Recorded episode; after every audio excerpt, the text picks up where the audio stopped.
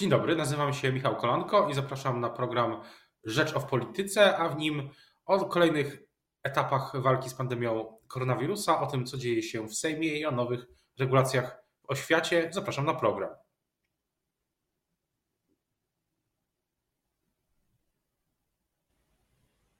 Dzień dobry. Państwa i moim gościem dzisiaj jest Agnieszka Dziemianowicz-Bąk, posłanka Nowej Lewicy z Wrocławia. Dzień dobry.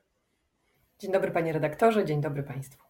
Wczoraj rząd przedstawił, e, pan minister Niedzielski i jego współpracownicy przedstawili nowe obostrzenia, które mają e, być odpowiedzią na kolejne zakażenia i e, kolejną falę pandemii.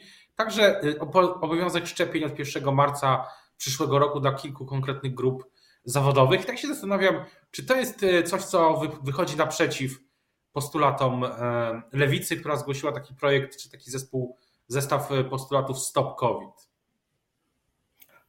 Oczywiście nie wychodzi, ale gdyby te propozycje ministra zdrowia nie wychodziły tylko naprzeciw postulatom lewicy, to problem byłby mniejszy. Niestety te propozycje nie wychodzą naprzeciw szczytowi czwartej fali pandemii i nadchodzącym kolejnym falom bo dziś w Polskę nie uderza ani pierwsza, ani druga, ani trzecia, tylko właśnie czwarta fala pandemia, za, y, pandemii. Za rogiem czają się nowe mutacje koronawirusa i jesteśmy dzisiaj jako państwo w tym momencie, kiedy to już nie jest czas na półśrodki. Być może gdyby te obostrzenia zostały przez ministra zdrowia wprowadzone pół roku temu, kwartał temu, to dziś bylibyśmy w innej sytuacji. Ale teraz zapowiedzi, że za kolejny kwartał, za trzy miesiące dopiero pewne grupy zostaną objęte obowiązkowymi szczepieniami, to jest za późno, za mało i w dodatku wybiórczo. Więc y, tutaj no, Dziś trzeba reagować stanowczo, dziś trzeba reagować odważnie i odpowiedzialnie. Lewicy tej odwagi i odpowiedzialności nie brakuje, dlatego złożyliśmy w Sejmie ustawę o powszechnym obowiązku szczepień dla wszystkich dorosłych, tak żeby naprawdę poprawić sytuację wyszczepienia wśród Polek i Polaków i żeby w końcu nie trzeba było każdego dnia patrzeć na te przerażające statystyki, pół tysiąca zgonów, pół tysiąca rodzin, które są pozbawiane e, osoby, osoby bliskiej. Oczekujemy od ministra zdrowia bardziej zdecydowanych działań, ale także od innych ugrupowań parlamentarnych deklaracji, że staną dziś po, strowie, po stronie zdrowia i życia i opowiedzą się za powszechnym obowiązkiem szczepień. A zanim, zanim jeszcze przejdziemy do kolejnych legi projektów legislacyjnych czy pomysłów, to tak się zastanawiam, czy, bo gdyby tutaj z nami teraz to była debata i byłby ktoś e, sceptyczny wobec obostrzeń, to użyłby takiego terminu sanitaryzm. Pani też się pewnie z takim terminem w debatach różnego typu spotkała. Czy, czy to było nieuniknione, że, że, że temat obostrzeń stanie się też tematem polaryzującym? Tak, tak mi się wydaje, bo z jednej strony, z jednej strony sanitaryzm, a z drugiej strony pada hasło antyszczepionkowcy czy, czy, czy, czy inne.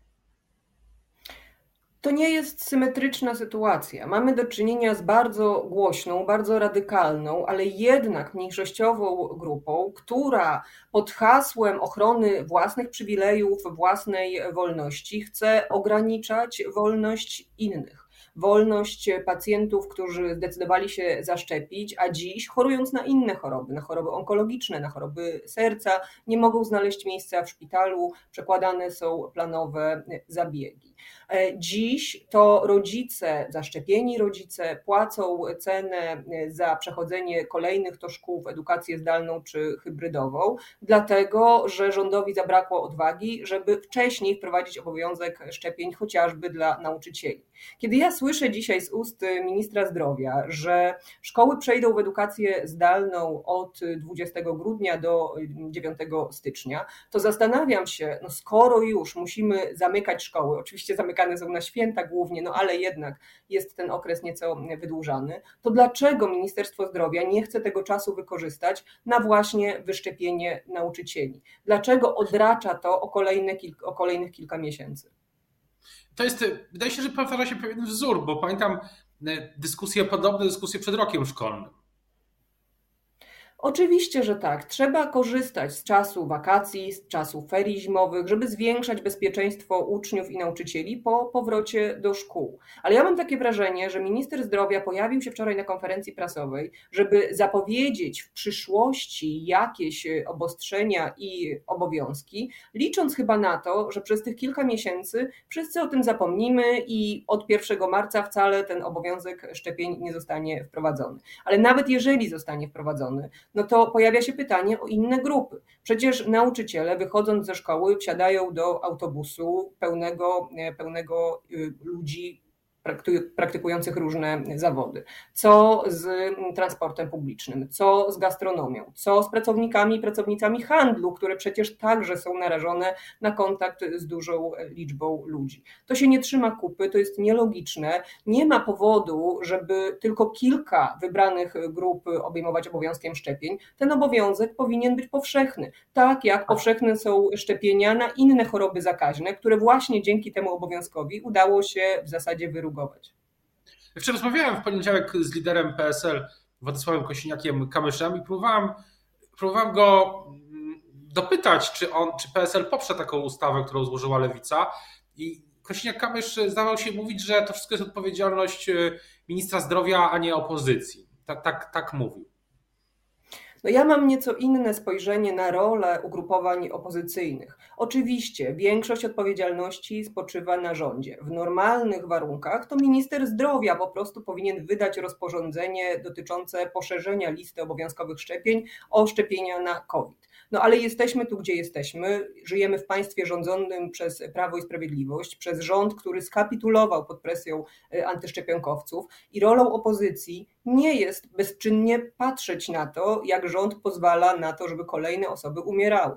Lewica jest y, tą częścią opozycji, która nie boi się wziąć odpowiedzialności za być może dla części społeczeństwa także niepopularne decyzje.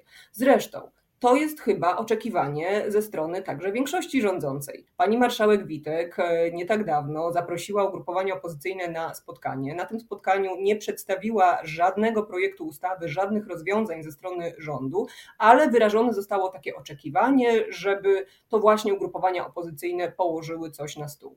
Lewica na stół położyła ustawę, mówimy rządowi sprawdzam y, i oczekujemy zdecydowanego stanowiska. Albo jest się za życiem, za zdrowiem, albo opowiada się po stronie strategii kto umrze, to umrze. A co do tej ustawy, którą też wczoraj zapowiedział, ustawy, tak się, tak się wydaje, że taka ustawa została zapowiedziana, nie chcę to być specjalnie złośliwy, ale czasami trudno było wczoraj zrozumieć, o co dokładnie chodzi, ale wydaje się, że jest pomysł na to, żeby jutro, mm, bo Sejm zaczyna się dzisiaj, chyba trwa do, do jutra, żeby jutro mm, na posiedzenie Sejmu trafiła ustawa, która umożliwi pracodawcom sprawdzanie, e, e, czy okazywać, znaczy żądanie okazania e, certyfikatu, czy nie certyfikatu szczepień, tylko test, negatywnego testu na koronawirusa, z czego zwolnieni byliby ci, którzy są zaszczepieni lub są ozdrowieńcami. Czyli odwrotnie niż w tym pierwotnym pomyśle ministra Niedzielskiego. Czy pani e, widzi sens takiej ustawy? To, to się trzyma jakiegoś. E, ma to sens? Ja przede wszystkim nie rozumiem, dlaczego minister zdrowia zwołuje kolejną już konferencję po to tylko, żeby zapowiedzieć, że toczą się prace nad jakąś regulacją to naprawdę już nie jest czas, kiedy można dywagować, rozważać, konsultować coś z własnym klubem, tylko taki projekt ustawy już dawno powinien trafić do Sejmu. A my tymczasem słyszymy kolejne zapowiedzi, że w ciągu tygodnia być może zostaną ukończone prace, może na następnym posiedzeniu Sejmu coś się pojawi. W dodatku to coś, co ma się pojawić, ma wybite wszystkie zęby i ogranicza się wyłącznie do obowiązku okazania ważnego testu. Testu w dodatku, który nie będzie, którego wykonywanie nie kieruje na kwarantannę kwarantannę, tylko no, może być y, osoba skierowana albo nie. I żeby była jasność, ja uważam i Lewica od miesięcy apeluje o to, żeby testy pracownicze były dostępne dla wszystkich osób pracujących, bo to jest ważne, żeby każdy pracownik, każda pracownica mogła czuć się bezpiecznie w swoim miejscu pracy. No ale za tym muszą iść dalsze kroki. Jeżeli okaże się, że dany zakład pracy nie jest miejscem bezpiecznym, to taki pracownik czy pracownica powinna zgodnie z kodeksem pracy, zgodnie z zapisami o e, bezpiecznych i higienicznych warunkach pracy, powinna po prostu móc odmówić świadczenia tej pracy. Czy to znajdzie się w tej ustawie? Nie sądzę, dlatego że minister Niedzielski, no nie mając poparcia we własnym klubie, nie mając poparcia we własnym rządzie, e, pozoruje działania i spodziewam się, że nawet jeżeli pojawi się jakiś projekt ustawy, choć cały czas go nie widzimy, cały czas go e, nie ma, to będzie on raczej takim listkiem figowym, a nie orężem, w takim prawdziwym orężem, który, za pomocą którego można walczyć z tą czwartą, ale także z prawdopodobnymi kolejnymi falami pandemii. A też, a też nie jest tak, że lewica, czy pani, ale nie wyklucza pani poparcie tej ustawy, bo wydaje się też, że y, też może być taka presja, jeśli ona się w ogóle pojawi, żeby tak samo jak presja, myślę, wokół mniej kontrowersyjnej ustawy o funduszu kompensacyjnym, żeby, żeby poprzeć, pomóc rządowi. Polityczna Ależ presja. lewica, Lewica od dawna deklaruje, że my będziemy popierać te projekty ustaw i te rozwiązania, które wychodzą naprzeciw e, potrzebom zdrowotnym, te, które pozwalają walczyć z pandemią. Ale Chcielibyśmy, żeby te środki były środkami adekwatnymi. Jeżeli każdego dnia umiera pół tysiąca osób, jeżeli sam minister zdrowia przyznaje, że ten szczyt czwartej fali jest szczytem płaskim, na bardzo wysokim poziomie, prawdopodobnie jeszcze długo będzie się e, utrzymywała liczba zakażeń, hospitalizacji i niestety także zgonów, to takie działania nie wystarczą, no ale z pewnością nie wystarczą same zapowiedzi w ogóle tych y, działań. Taką debatę, taką rozmowę powinniśmy, mm, powinniśmy odbywać w chwili, kiedy pojawiły się szczepionki, czyli w zasadzie już rok temu. Rząd ten rok zmarnował i to rząd ponosi odpowiedzialność za te tragedie wielu polskich rodzin, które musiały w tym roku pożegnać się ze swoimi bliskimi. Ale czy, czy jest, uważa Pani, że jest jakaś e, jedna rzecz, jakaś e, taka, e, jedno rozwiązanie, które by zmieniło całą sytuację? Bo ja mam wrażenie, że chyba nie ma jednej takiej magicznej, e, takiego magicznego rozwiązania, jednej, jednej ustawy, jednej decyzji, która by odwróciła te losy walki z pandemią. I są takie rozwiązania, a na pewno jest taka ustawa, i tą taką ustawę właśnie Lewica złożyła, bo w ustawie, o której rozmawiamy, jest oprócz powszechnego obowiązku szczepień także gwarancja tego, że mm, z wszelkich obostrzeń, które powinny być wprowadzane, będą wyłączone osoby zaszczepione. E, będą wyłączone także zakłady pracy, które zdecydują się na wyszczepienie. To jest tak. Dziś premier czy minister zdrowia przebąkuje, zapowiada kolejne, możliwość kolejnych obostrzeń. Lewica chciałaby, żeby ci pracodawcy, ci przedsiębiorcy, te, te osoby, które wykażą się odpowiedzialnością, które się zaszczepią, mogły pomimo tych obostrzeń normalnie funkcjonować. Jeżeli zakład fryzjerski zdecyduje się na zaszczepienie swoich pracowników, to chciałabym, żeby ten zakład, mimo lockdownów, mimo obostrzeń, mógł normalnie funkcjonować. Jeżeli restauracja czy bar zaszczepi swoich pracowników, to powinien móc przyjmować zaszczepionych klientów, zaszczepionych mm, gości. Więc tych rozwiązań systemowych jest kilka, ale one wszystkie znajdują się w ustawie lewicy. I naprawdę byłoby działaniem odpowiedzialnym, odważnym, ale przede wszystkim ratującym życie, gdyby Sejm już dziś zajął się projektem ustawy lewicy, bo ona na ten moment jest jedyną konkretną, czarno na białym propozycją odpowiedzi na kryzys pandemiczny. Co do, e, co do innych rzeczy, którymi się Sejm zajmuje, które mogą w przyszłości jeszcze w tym roku budzić emocje, to e, jest, e, będzie procedowane, przepraszam, że to słowo lepszego chyba nie ma, będzie procedowana ustawa zwana już Lex Czarnek. I pytanie, czy jakie ona emocje wywołuje w środowisku, które, e, z którymi też Pani ma dobrą, jak rozumiem, łączność, czyli właśnie środowisku nauczycielskim, światowym. Co, co mówi o świata o Lex Czarnek? W poniedziałek zorganizowaliśmy w gronie ugrupowań opozycyjnych Lewicy, Koalicji Obywatelskiej Polski 2050, Polskiego Stronnictwa Ludowego wysłuchanie publiczne w Sejmie na temat właśnie tej nowelizacji prawa oświatowego znanej jako Lex Czarnek.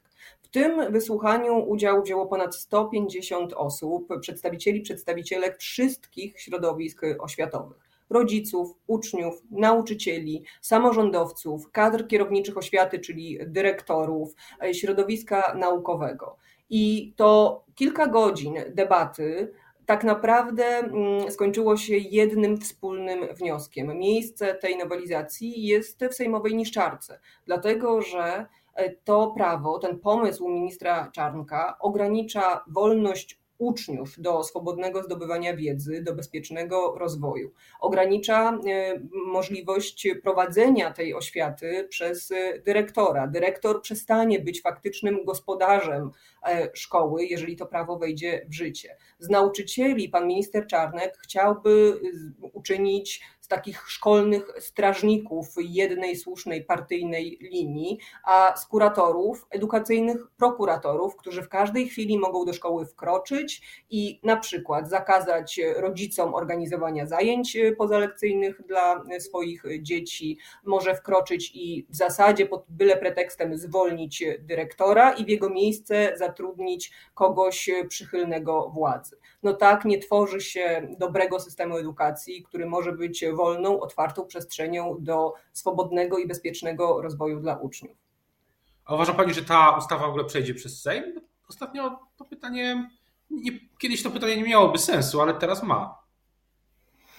Na pewno jest y, istotną informacją, że ten projekt miał być procedowany już teraz, podczas dzisiejszego, jutrzejszego posiedzenia Sejmu. Po wysłuchaniu publicznym w poniedziałek spadł ten punkt z porządku obrad. I to jest pewien sukces środowisk oświatowych, które tak głośno sprzeciwiają się tej nowelizacji. Myślę też, że fakt, że zostało to przesunięte, minister Czarnek wspomina o przyszłym tygodniu, że wtedy będzie pierwsze, pierwsze czytanie, czekamy na informacje e, ze strony Komisji e, Edukacji, to może być sygnał, że dla tej ustawy nie ma większości we własnym klubie. Byłaby to dobra informacja, informacja, która wskazywałaby, że nawet większość rządząca słyszy głos nauczycieli, rodziców, uczniów, związków zawodowych, nie tylko Związku Nauczycielstwa Polskiego, które oczywiście najgłośniej protestuje przeciwko tej ustawie, ale także bliższych sobie, że tak powiem, środowisk, środowisk zawodowych, chociażby z Solidarności, bo tutaj nauczyciele, uczniowie, rodzice, środowiska naukowe, samorządowe, bez względu na przynależność czy sympatie polityczne, bez względu na konotacje z danym ugrupowaniem lub ich, lub ich brak, naprawdę jest jednoznaczne w swojej ocenie. To jest po prostu zła ustawa, to jest psucie polskiej edukacji, to jest y, działanie, które jeszcze bardziej nasili tendencję odpływania nauczycieli z zawodu, a już dziś polska oświata boryka się z ogromnym kryzysem kadrowym. Na koniec jeszcze chciałbym zapytać tak ogólnie, czy, czy uważa Pani, że te ostatnie miesiące i różne inicjatywy opozycji, też ta ustawa lewicy zgłoszona czy zapowiedziana w niedzielę, to wysłuchanie publiczne, o którym Pani mówiła, też pewne debaty, które się w Sejmie i Senacie odbywają, ostatnio o obronności pod egidą Platformy i inne wydarzenia. Czy, czy, czy ogólnie postawiały Pani taką tezę, że, że opozycja się zmienia, że już mniej jest przeciwko czemuś, a bardziej y, za czymś? Jest rolą opozycji, nawet wtedy, kiedy jest w opozycji, pokazywać swoją inicjatywę, pokazywać aktywność działania i przekonywać Polaków, że ma pomysł na rządzenie. Rolą opozycji nie jest wyłącznie krytyka, choć oczywiście trzeba punktować złe posunięcia władzy. Rolą opozycji, i tak widzi swoją rolę także lewica, jest prezentowanie wizji państwa i sposobu rządzenia tak, żeby pokazać, co by było, gdyby rządziła dziś lewica. Gdyby rządziła dziś lewica, walka z pandemią byłaby zdecydowanie bardziej dynamiczna, aktywna i odważna. Gdyby rządziła dziś lewica, nauczyciele nie odpływaliby z zawodu, dlatego że zagwarantowalibyśmy im lepsze, godne wynagrodzenia e, za, e, za ich pracę. Uczniowie mogliby uczyć się nie dodatkowych lekcji religii czy e, historii, ale wprowadzilibyśmy edukację klimatyczną, edukację o zdrowiu i seksualności. I to ważne, żeby nasi wyborcy, ale także wyborcy Prawa i Sprawiedliwości mieli szansę zobaczyć, jakie konkretne, konstruktywne propozycje ma opozycja, tak, żeby dostrzec w opozycji, konkretnie w lewicy, alternatywę, realną, atrakcyjną alternatywę dla rządów Prawa i Sprawiedliwości. o tym, co w Sejmie i oczywiście o naszych krokach rządu i opozycji, pomysłach opozycji będziemy jeszcze, jeszcze mówić. Sejm zaczyna się dzisiaj, jak zwykle każde głosowanie warto będzie obserwować. Teraz bardzo już dziękuję za rozmowę Państwa i moim gościem. Dzisiaj, dzisiaj była posłanka Lewicy z Wrocławia Agnieszka Dziemianowicz-Bąk. Dziękuję bardzo. Dziękuję serdecznie.